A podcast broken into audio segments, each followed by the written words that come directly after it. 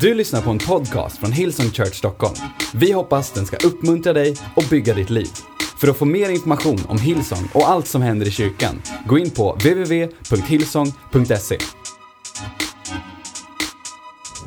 Hej, jag har ehm, ett enkelt budskap till er den här förmiddagen. Men jag har bara haft den här känslan att um, kanske ska vi lite så här, låta söndagskvällen liksom hälsa på söndag förmiddag.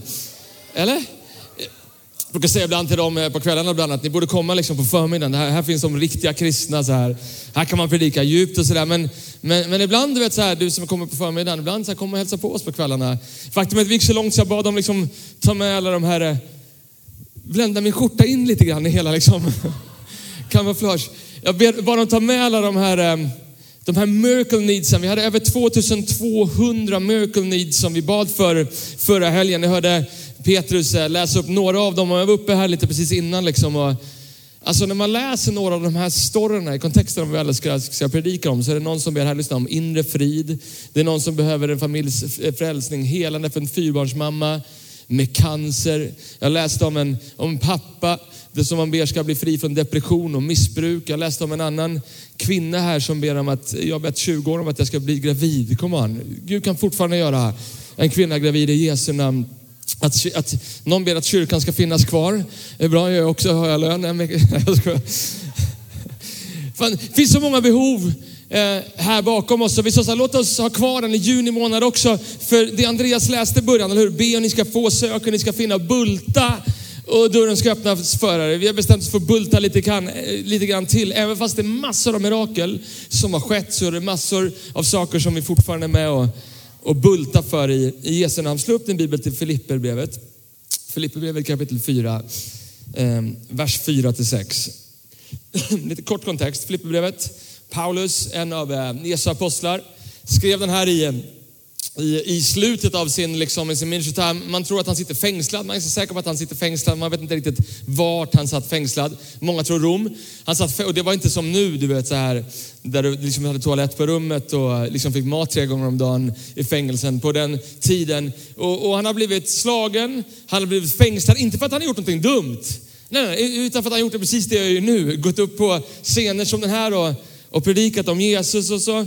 Och så skriver ändå Paulus, är det inte intressant hur, hur han börjar med att skriva till, till församlingen i Filipp, Filippi, så skriver han så här från kapitel 4, vers 4. Gläd er alltid. Hur ofta är alltid? Alltid, eller hur? Gläd er alltid i Herren. Än en gång säger jag er, gläd er. Låt alla människor se hur vänliga ni är. Herren är nära. Och så säger han några nyckel Eh, ord här som vi kommer stanna till vid. Eh, bekymra er inte för något. Hur mycket ska vi bekymra oss för? Bekymra er inte för något utan låt Gud få veta alla era önskningar genom bön och åkallan med tacksägelse. Precis det vi gör med Miracle Watch. Så kommer sista versen. Då ska Guds frid, i nästa vers tror jag, om vi har den också. Då ska Guds frid som övergår allt förstånd, alltså en frid som inte jag kan förklara för dig här i huvudet utan som måste landa här i ditt hjärta, som övergår allt förstånd, bevara era hjärtan och era tankar i Kristus Jesus. Alltså Guds frid, jag har gjort lite research på den där friden, frid eller fred som frid också betyder, eller peace på engelska eller shalom som man säger, eller hur? Vi som, varit, eh, vi som är i Israel. Jag var i Israel härom, härom månaden igen. Jag har inte gått en, en samling utan att jag inte pratar om Israel. Det är grymt faktiskt. Men, men shalom, vet du vad shalom betyder? Shalom betyder fred, men, men shalom för en, för en jude även idag betyder, kan betyda egentligen två saker, eller tre saker. Det betyder fred, för, för man, man, liksom, man pratade redan innan man hade vunnit segrar. Innan David gick in och intog Jerusalem eller Salomon byggde upp templet så, så sa man shalom, alltså fred. Vi har fred, vi har peace därför vi har Gud med oss. Och man sa shalom som hej. Men, men en av de saker som jag kanske vill stanna upp lite grann vid idag är shalom betyder också hej då. Och jag tänker liksom att den där peacen, att den där friden som, som Paulus pratar om, att vi inte ska bekymra oss för någonting, utan att en, en, en frid som övergår allt förstånd, kanske börjar med att säga hej då till vissa saker. All right? Så om du skriver, skriv titeln, den är enkel, hej då. Ja, inte hej då nu, men, liksom, men, men så här, hej då. Hej, vad är det du behöver säga hej då till? Stanna upp två sekunder, du kanske tänker på din granne, vad han borde säga hej då till. Men liksom, när jag pratar till dig, vad är det du behöver vad är det du behöver säga hej då? Hej då till? Kanske är det hej då till ångest.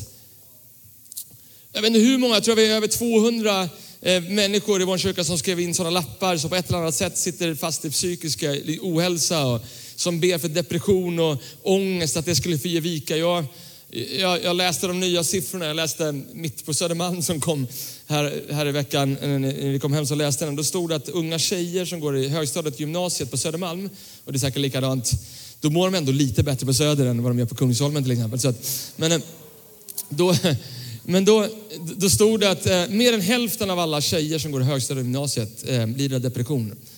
Mer än hälften av alla tjejer. Jag läste liksom att remisserna till barn och ungdomspsykiatrin på Södermalm har mer än fördubblats sista tio åren läste jag igår.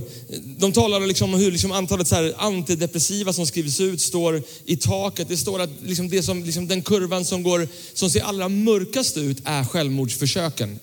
Inte att människor tar självmord, men att de försöker ta självmord. De skrev om en liten tjej som var tio år mitt på Södermalm, som hade försökt ta livet av sig själv för att folk hade trashat henne på sociala medier.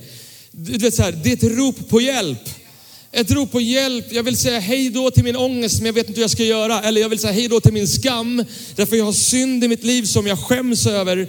Kanske är det så att någon människa här inne och liksom har fallit tillbaka i något så här gammalt mönster. Kanske ska jag hjälpa dig att säga hej då till den skammen som du känner där inne den här morgonen. Kanske är det hej då till otro, att inte tro att Gud kan göra ett mirakel för dig.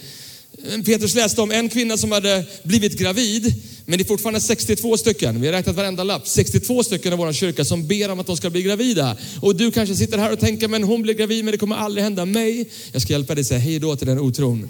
Yeah. hej då till, sam, till skam, hej då till synd, hej då till, till depression eller hej då till oro. Vem är det som oroar sig här inne?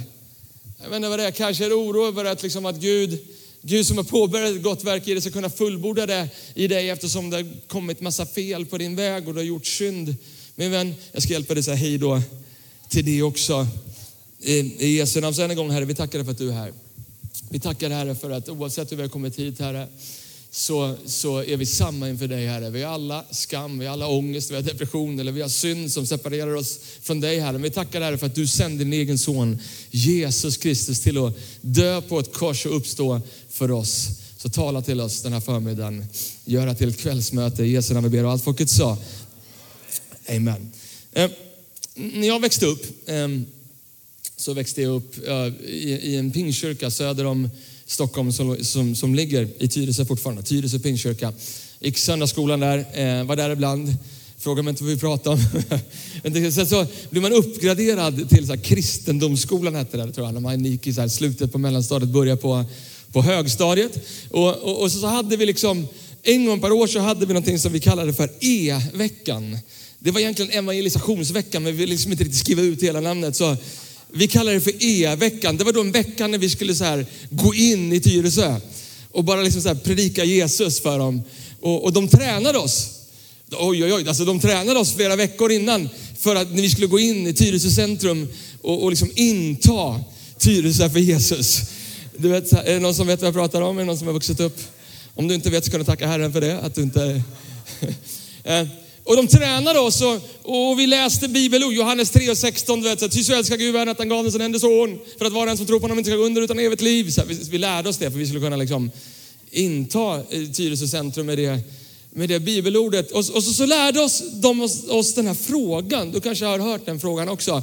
Ganska konstigt, för det är så här, den, den löd så här att vi skulle gå fram till folk och säga så här, om, om, om du skulle dö ikväll, det är en bra start, eller hur? Om du skulle dö ikväll, är du helt säker på att du, hjälp mig, på att du skulle, skulle komma till himlen? Precis. Om du skulle dö ikväll, är du helt, det står alltså om du skulle dö på morgonen säger man aldrig, eller hur? Utan det är alltså om du skulle dö ikväll. är du helt säker? Inte så här, men på riktigt så här, jag är helt säker, jag hoppas ju det liksom, men man är aldrig riktigt helt säker, eller? Är du helt säker på att det kommer till himlen? Så, så, så hade vi tränat på den här och skulle vi åka in till Tyresö centrum. Eh, och de hade hyrt en buss. Det var liksom 700 meter till Tyresö. Vi kunde gå, jag och min kompis Martin, vi bara, vi går. Nej, nej, nej. Alla skulle in i bussen. Det stod Tyresö Pingstkyrka på den, stort stod det. Jag bara, men jag går. Jag bara, Erik, du ska in i bussen. Så, okay, ja. Mina kompisar var där utanför liksom. Pressbyrån. Vi rullar in en, en, en röd SL-buss, Tyresö Pingstkyrka. Här ska vi inta. Då eh, skulle vi gå fram till folk och försöka se ifall de var helt säkra. Så liksom jag och min kompis Martin, vi går in där, vi hittar in på Lindex på någonstans, du vet så här, och bara står en kille och letar kallingar där liksom. Man bara så här, du, ursäkta jag vet att du letar lite kallingar här, men jag bara tänkte kolla. Och alltid den här känslan så här, vems tur var det? Jag bara, det är din tur. Så, ah, det är min tur, det är inte din tur. Så, här, så blir man framputtad så här, så bara liksom, så här, om, om du skulle dö ikväll, bara, va? Är du helt säker på att du skulle komma till himlen? Och, och, och ganska ofta så folk så bara, va?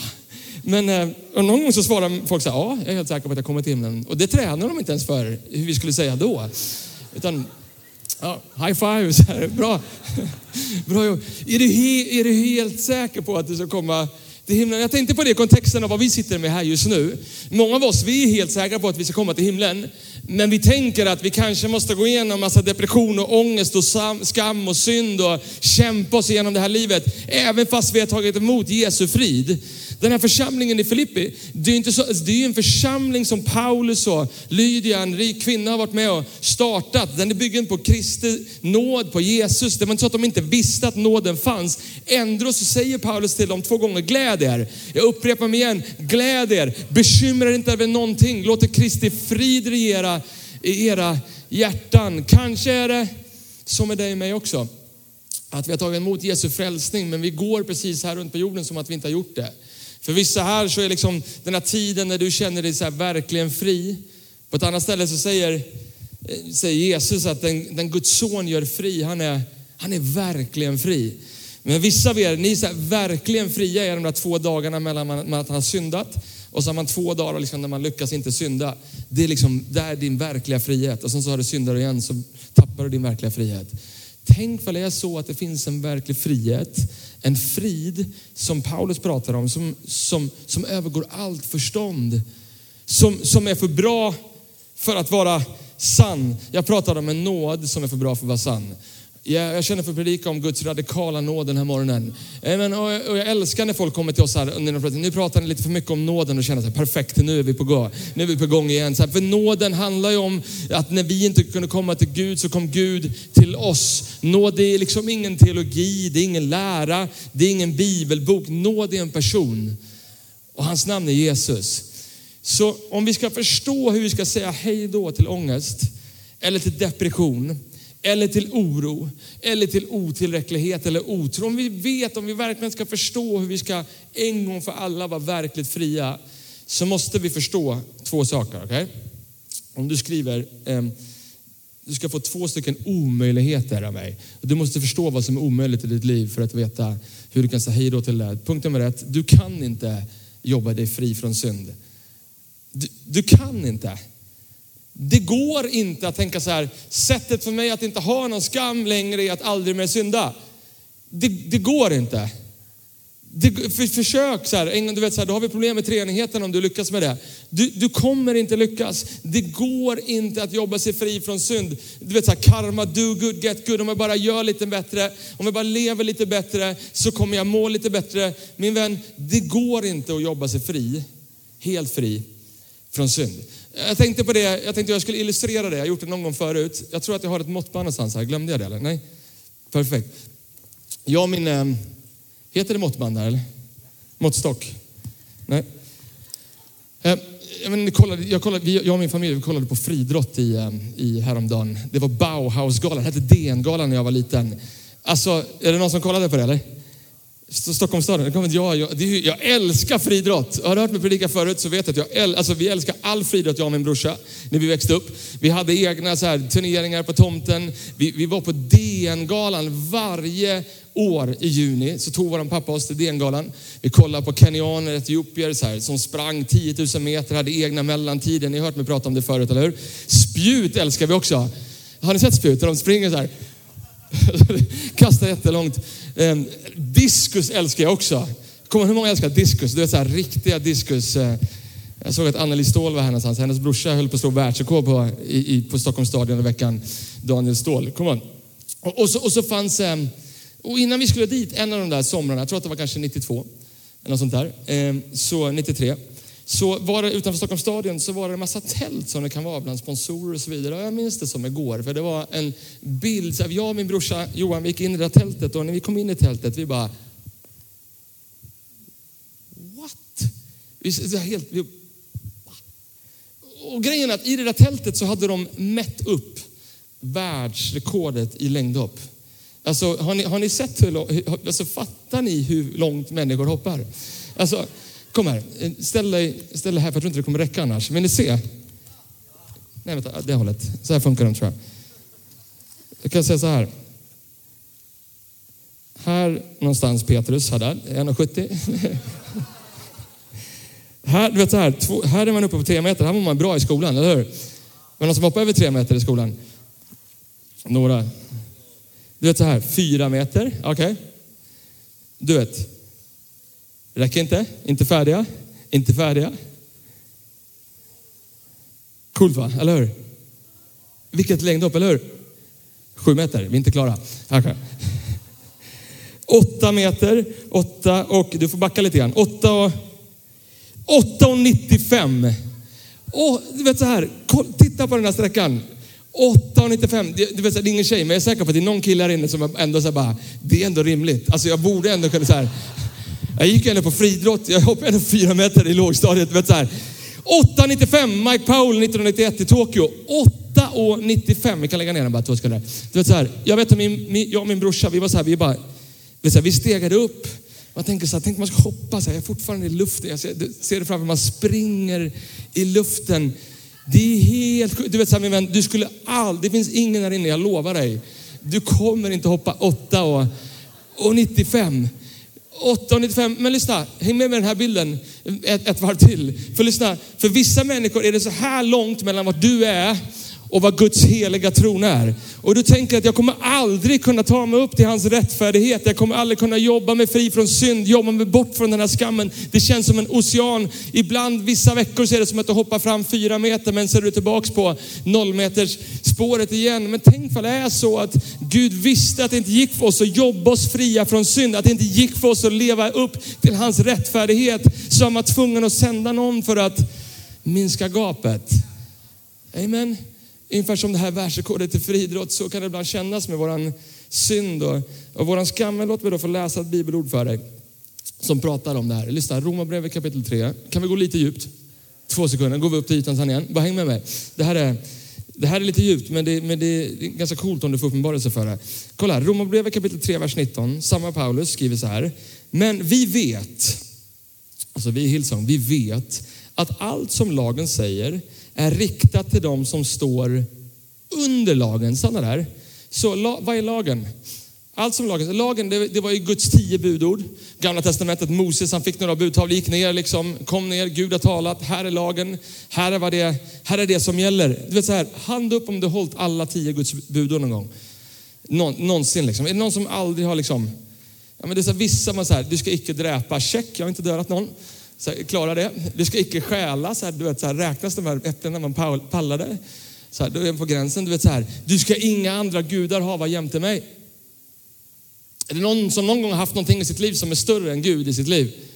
Ja, yeah. där börjar det bli svajigt, eller hur? Du vet så här, det går inte. Det går inte att leva upp till Guds standard. För lyssna här vad det står vidare. Eh, men vi vet att allt som lagen säger är riktat till de som står under lagen för att varje mun ska tystas och hela världen stå skyldig inför Gud. Lyssna. Ingen människa förklaras rättfärdig inför honom genom laggärningar. Alltså till och med Gud säger, Paulus här, det går inte att förklaras rättfärdig. Du kommer aldrig liksom kunna closea gapet. Vad som ges genom lagen är insikt om synd. Alltså det, det lagen hjälper oss att förstå att vi kan inte klara det själva. Det är det Paulus säger. Lagen ger oss insikt om synd. Lagen ger oss en insikt om att det går inte att säga hej då till ångest, för vissa av er inne som sitter fast i det, utan någonting annat. Det går inte att closea, det spelar ingen roll hur mycket liksom antidepressiva vi försöker, du vet så här, det går inte. Lagen ger oss insikt om synd. Och så står det vidare så här, men nu har det uppenbarats en rättfärdighet från Gud utan lag en som lagen och profeterna vittnar om. En rättfärdighet från Gud, lyssna här kommer nyckelversen, genom tro på Jesus Kristus. Genom, så hur, hur, liksom, hur blir vi rättfärdiga? Genom tro på Jesus Kristus. Hur, hur blir vi liksom kvalificerade och vet att vi är verkligen fria? Genom tro på Jesus Kristus.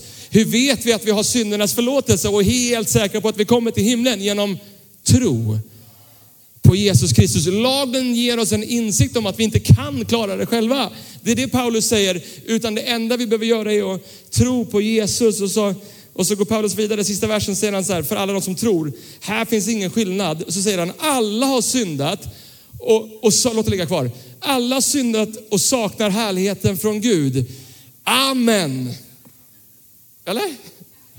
Ibland tror jag att vi läser så, alla har ju syndat och saknar härligheten från Gud. Amen. Nu går vi härifrån. Vi har alla syndat och vi saknar härligheten från Gud. Det var kört för oss. Amen. Det där kommat, jag vet inte hur länge sedan jag gick i skolan nu, men det betyder att det är något mer som kommer efter. Eller hur? Det betyder att de inte är riktigt färdiga med, vill ni höra slutet på meningen? Då står det så här, och de förklaras rättfärdiga som en gåva av hans nåd. Därför att de är friköpta av Jesus Kristus. Kom on. Jag vet inte, tre verser som är liksom, egentligen hela evangeliet presenterat på tre verser. Det fanns ett gap mellan vart vi är och vart Gud är någonstans. Vi kunde inte closea det gapet själva, gick inte mycket vi än försökte. Det gick inte. Lagen hjälpte dem inte heller, även fast Gud gav Moses lag till Israels folk så gick det inte. Det gick inte förrän han skickade sin egen son Jesus Kristus till att dö på ett kors. Så hur ska vi säga hej då till våran otro, skam, depression, ångest? Genom tro på Jesus Kristus. Varför? Därför att vi alla har syndat. Vi läste det precis. Vi har alla syndat och vi saknar härligheten från Gud. Därför behöver vi Jesus. Så du kan inte, du kan inte jobba dig fri från synd. Jag läste ett citat med en känd sångare som heter Bono. Han är, sjunger ett band som heter U2.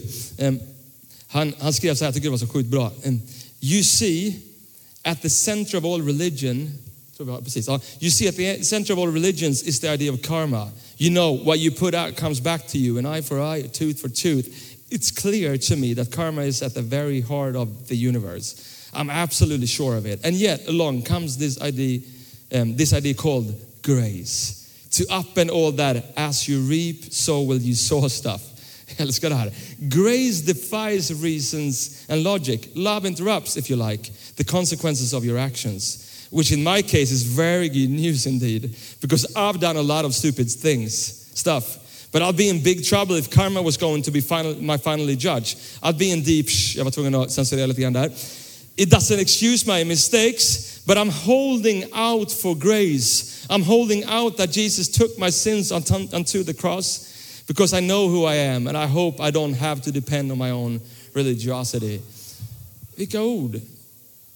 Om att, om att karma är att få det man, det man förtjänar, men nåd är att få det man inte förtjänar. Yeah. nåd är att ta emot någonting som man egentligen inte borde förtjäna. Kanske sitter där och tänker på misstag du har gjort den här veckan.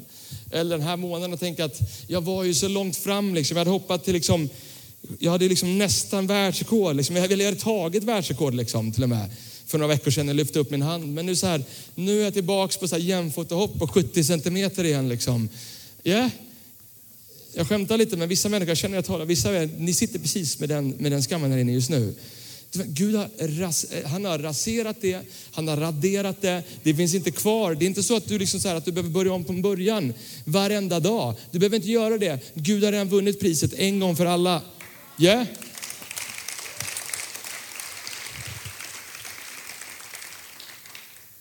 All right. Ett story till ska du få andra omöjligheten, sen ska vi lovsjunga tillsammans. Andra omöjligheten, medan skrivlisten kommer upp alldeles strax. Ehm, det finns en känd story i Johannes kapitel 8. Johannes kapitel 8 om en, eh, en kvinna. En kvinna som eh, har begått äktenskapsbrott. Jesus han är i templet eh, i Israel, Jerusalem. Han, han, eh, han predikar och, och liksom de är galna på honom. För jag, tror han, jag tror han predikar på, på sabbaten och inte nog med det. Sen så börjar han liksom, du vet, tänka de fariséerna, de skriftlärarna tänker nu måste vi sätta dit Jesus en gång för alla. Eh, och så står det så här från vers 3, kapitel 8, vers 3, Johannes. Då förde de skriftlärda och fariséerna dit en kvinna som hade blivit gripen för äktenskapsbrott.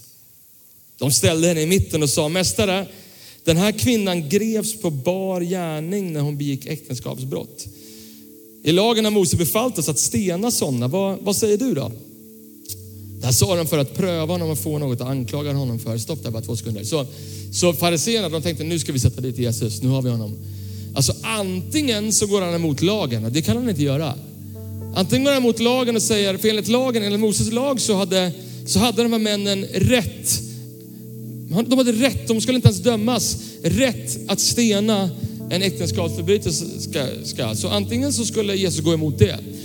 Men om man sa att de inte fick göra det så skulle han, liksom, då skulle han gå emot sin egen lära grace, eller hur? Så vars, liksom, vad han nu valde än nu Jesus skulle han ju förlora. Så fariséerna bara så här, we got them, we got them. Eh, och så står det vidare så här, men Jesus böjde sig ner och började skriva med fingret på marken. När han fortsatte frågan om reste han sig och sa, den av er som är utan synd kan kasta första stenen på henne. Sen böjde han sig ner igen och skrev på marken. Stanna där två sekunder bara. Se det framför dig liksom. Jesus han böjer sig ner på marken. Det står att han börjar skriva i sanden. Vi vet inte vad han skrev. Han kanske ritade ett sandslott, jag vet inte. Djurgårdssköld. Men du vet, kanske ritade ett kors.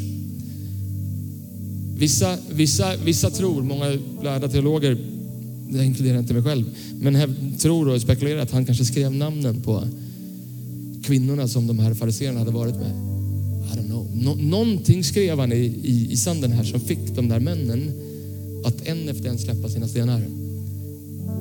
Den av er som är utan synd kastar första stenen. Och så står det vidare i, så att han sätter sig ner igen.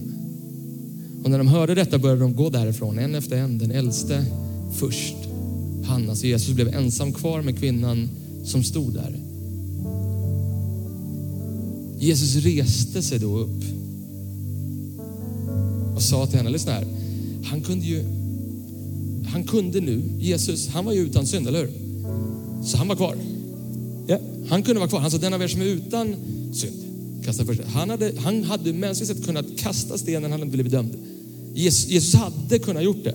Enligt Mose lag, faktiskt man ska gå så långt, så, så lagen beordrade Jesus att stena den här kvinnan. Men Jesus han, han, han, han ställer sig upp, han tittar på henne och säger, kvinna, kvinna vad är de? Vad är alla? Har, har, har ingen dömt dig? Jag, vet inte, jag kan inte låta bli att tänka att den här kvinnan måste gråta för sig själv och tänka, Va? vad har jag gjort för att förtjäna det här? Jag har ju, jag har ju begått äktenskapsbrott. Kanske finns det någon som sitter och tänker på din synd, din skam eller de där grejerna som separerar dig från Gud. Och Gud säger så här, gå vidare till nästa vers. I vers 12 så står det, Jesus reste upp, sa till henne, kvinna vad är de? Har ingen, har ingen dömt dig? Och så säger han, Eh, hon svarade nej herre. Då sa Jesus, inte heller jag dömer dig. Och så kommer nyckelversen, lyssna nu. Säger han så här, gå och synda inte mer. Du kanske har hört den här storyn massor med gånger. Jag har hört den så många gånger så jag tänker inte ens längre på det. Men, men Jesus säger så här, gå och synda inte mer. Hur många tror att den kvinnan klarade att aldrig mer synda? Ja. Ändå säger Jesus, gå och synda inte mer. Du vet så här, om Jesus gör någonting i ditt liv nu, hur, kan du vara säker på att du 30, 40, 50 år kommer leva utan att synda eller ha skam eller separera dig själv från Gud? Det är en bild på Jesu radikala nåd. Och om du skriver, skriv punkt nummer två. Du kan inte gå och synda inte mer. Du kan inte göra det. Det går inte. Det enda du kan göra är att tro på Jesus, ta emot hans radikala nåd. Det är så provocerande den är. Att även fast Jesus säger, jag vet inte hur det är med dig, men så många gånger har jag själv varit tillbaks på num punkt nummer ett igen och jag bara säger Gud, nu är vi du och jag, nu håller jag på liksom och nu, nu lever jag in the grey zone och jag känner friden som övergår allt förstånd och så gör jag någonting och så känner jag att jag landar på nummer ett, på, på noll igen och jag tittar på Jesus och han är kvar och han tittar på mig fortfarande och hans nåd, amen, det jag ser är en frälsare som som hänger på ett kors med två utsträckta armar så vi skulle förstå att det här livet som kristna, att uppleva verklig frihet, att, att, att uppleva frid från de där sakerna som stör dig, går inte att prestera sig till. Det går bara att tro på Jesus och det bästa är när jag tror på Jesus så börjar Jesus förvandla mig från insidan och ut. Romarbrevet kapitel 12, vers 1 säger Fix your attention on God and he will change you from the inside out. Att när jag fäster min blick på Jesus, när jag börjar lovsjunga honom, när jag börjar förstå att han vill ge mig verklig frihet, så börjar den helige Ande förvandla mig. De där synderna som jag satt fast i, de börjar släppa. Den där skammen som jag kände, den släpper. För att jag bestämde mig för att göra rätt. Nej, nej, nej, nej. För att jag bestämde mig för att tro på Jesus. För jag bestämde mig för att hålla fast vid, vid Gud. Kom igen, vi ställer oss upp. Vi ställer oss upp. Vi ska alldeles strax lovsjunga tillsammans. Låtsasteamet kan komma upp. Bara stillheten. Vi ska lovsjunga alldeles strax. Jag vill bara läsa två bibelställen till för dig. För vissa här inne, du tänker fortfarande att så här, det kan inte vara så Erik. Liksom. Det, det, kan inte vara, det kan inte vara så enkelt som du pratar om. Och ibland är de enklaste sakerna så är de svåraste att tro på, eller hur? Men, men lyssna bara. Hebreerbrevet kapitel 10. Vi ska läsa två ställen bara. Pratar om hur vi kan vara fria från synd. Pratar om hur vi kan vara fria från det som separerar oss från, från Gud. Så säger, så, så, så säger kapitel 10, vers 11 så här. Alla andra präster står och förrättar sin tjänst dag efter dag och bär gång på gång fram samma syndoffer, samma offer som aldrig kan ta bort synderna. Men Jesus, jag ska det står där. Men, men Jesus har framburit ett enda, hur många offer? Ett enda syndoffer för alla tider. För hur länge? För alla tider. Ja, yeah. en gång för alla, för all tider har han framburit ett offer. Och sedan satt sig på Guds högra sida och väntar nu på att hans fiende ska läggas som en pall under hans fötter. Med ett enda offer har han, har han för all framtid fullkomnat de som ska helgas. Kolla kapitel 9, vers 11 nu, sista versen vi läser. Står det så här. Men nu har Kristus kommit som överste präst för det goda som skulle komma. Genom det större och fullkomnare tabernaklet, vi har inte tid att gå in på det, men, men, men det är Guds härlighet, eh, som inte är gjord av människohand och alls inte tillhör den här skapelsen, gick han in i det allra heligaste, en gång för alla. Inte med bockar eller kalvars blod. Lyssna vad det står här. För det är blodet som gör oss fria. Det är blod som Jesus lät, ut, som lät utljusas på ett kors. Lyssna här. Inte med bockar eller kalvars blod, utan med sitt eget blod. Och vann, vad står det där? En evig återlösning. Jag älskar när jag läste det. En evig återlösning, inte en, inte en quick fix. Inte en tillfällig återlösning. Inte sådär att jag känner mig lite frid liksom på en söndag förmiddag och lite grann som spiller över på måndag. Men när tisdagen kommer och jag liksom gjort min första synd eller när jag liksom känner lite ångest och de där känslorna kommer tillbaks.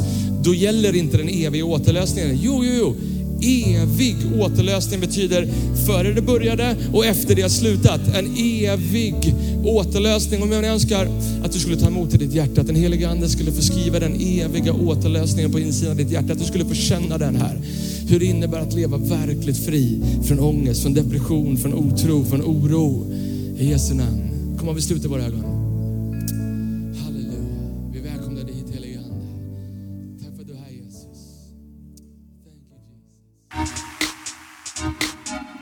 Du har lyssnat till en podcast från Hillsong Church Stockholm.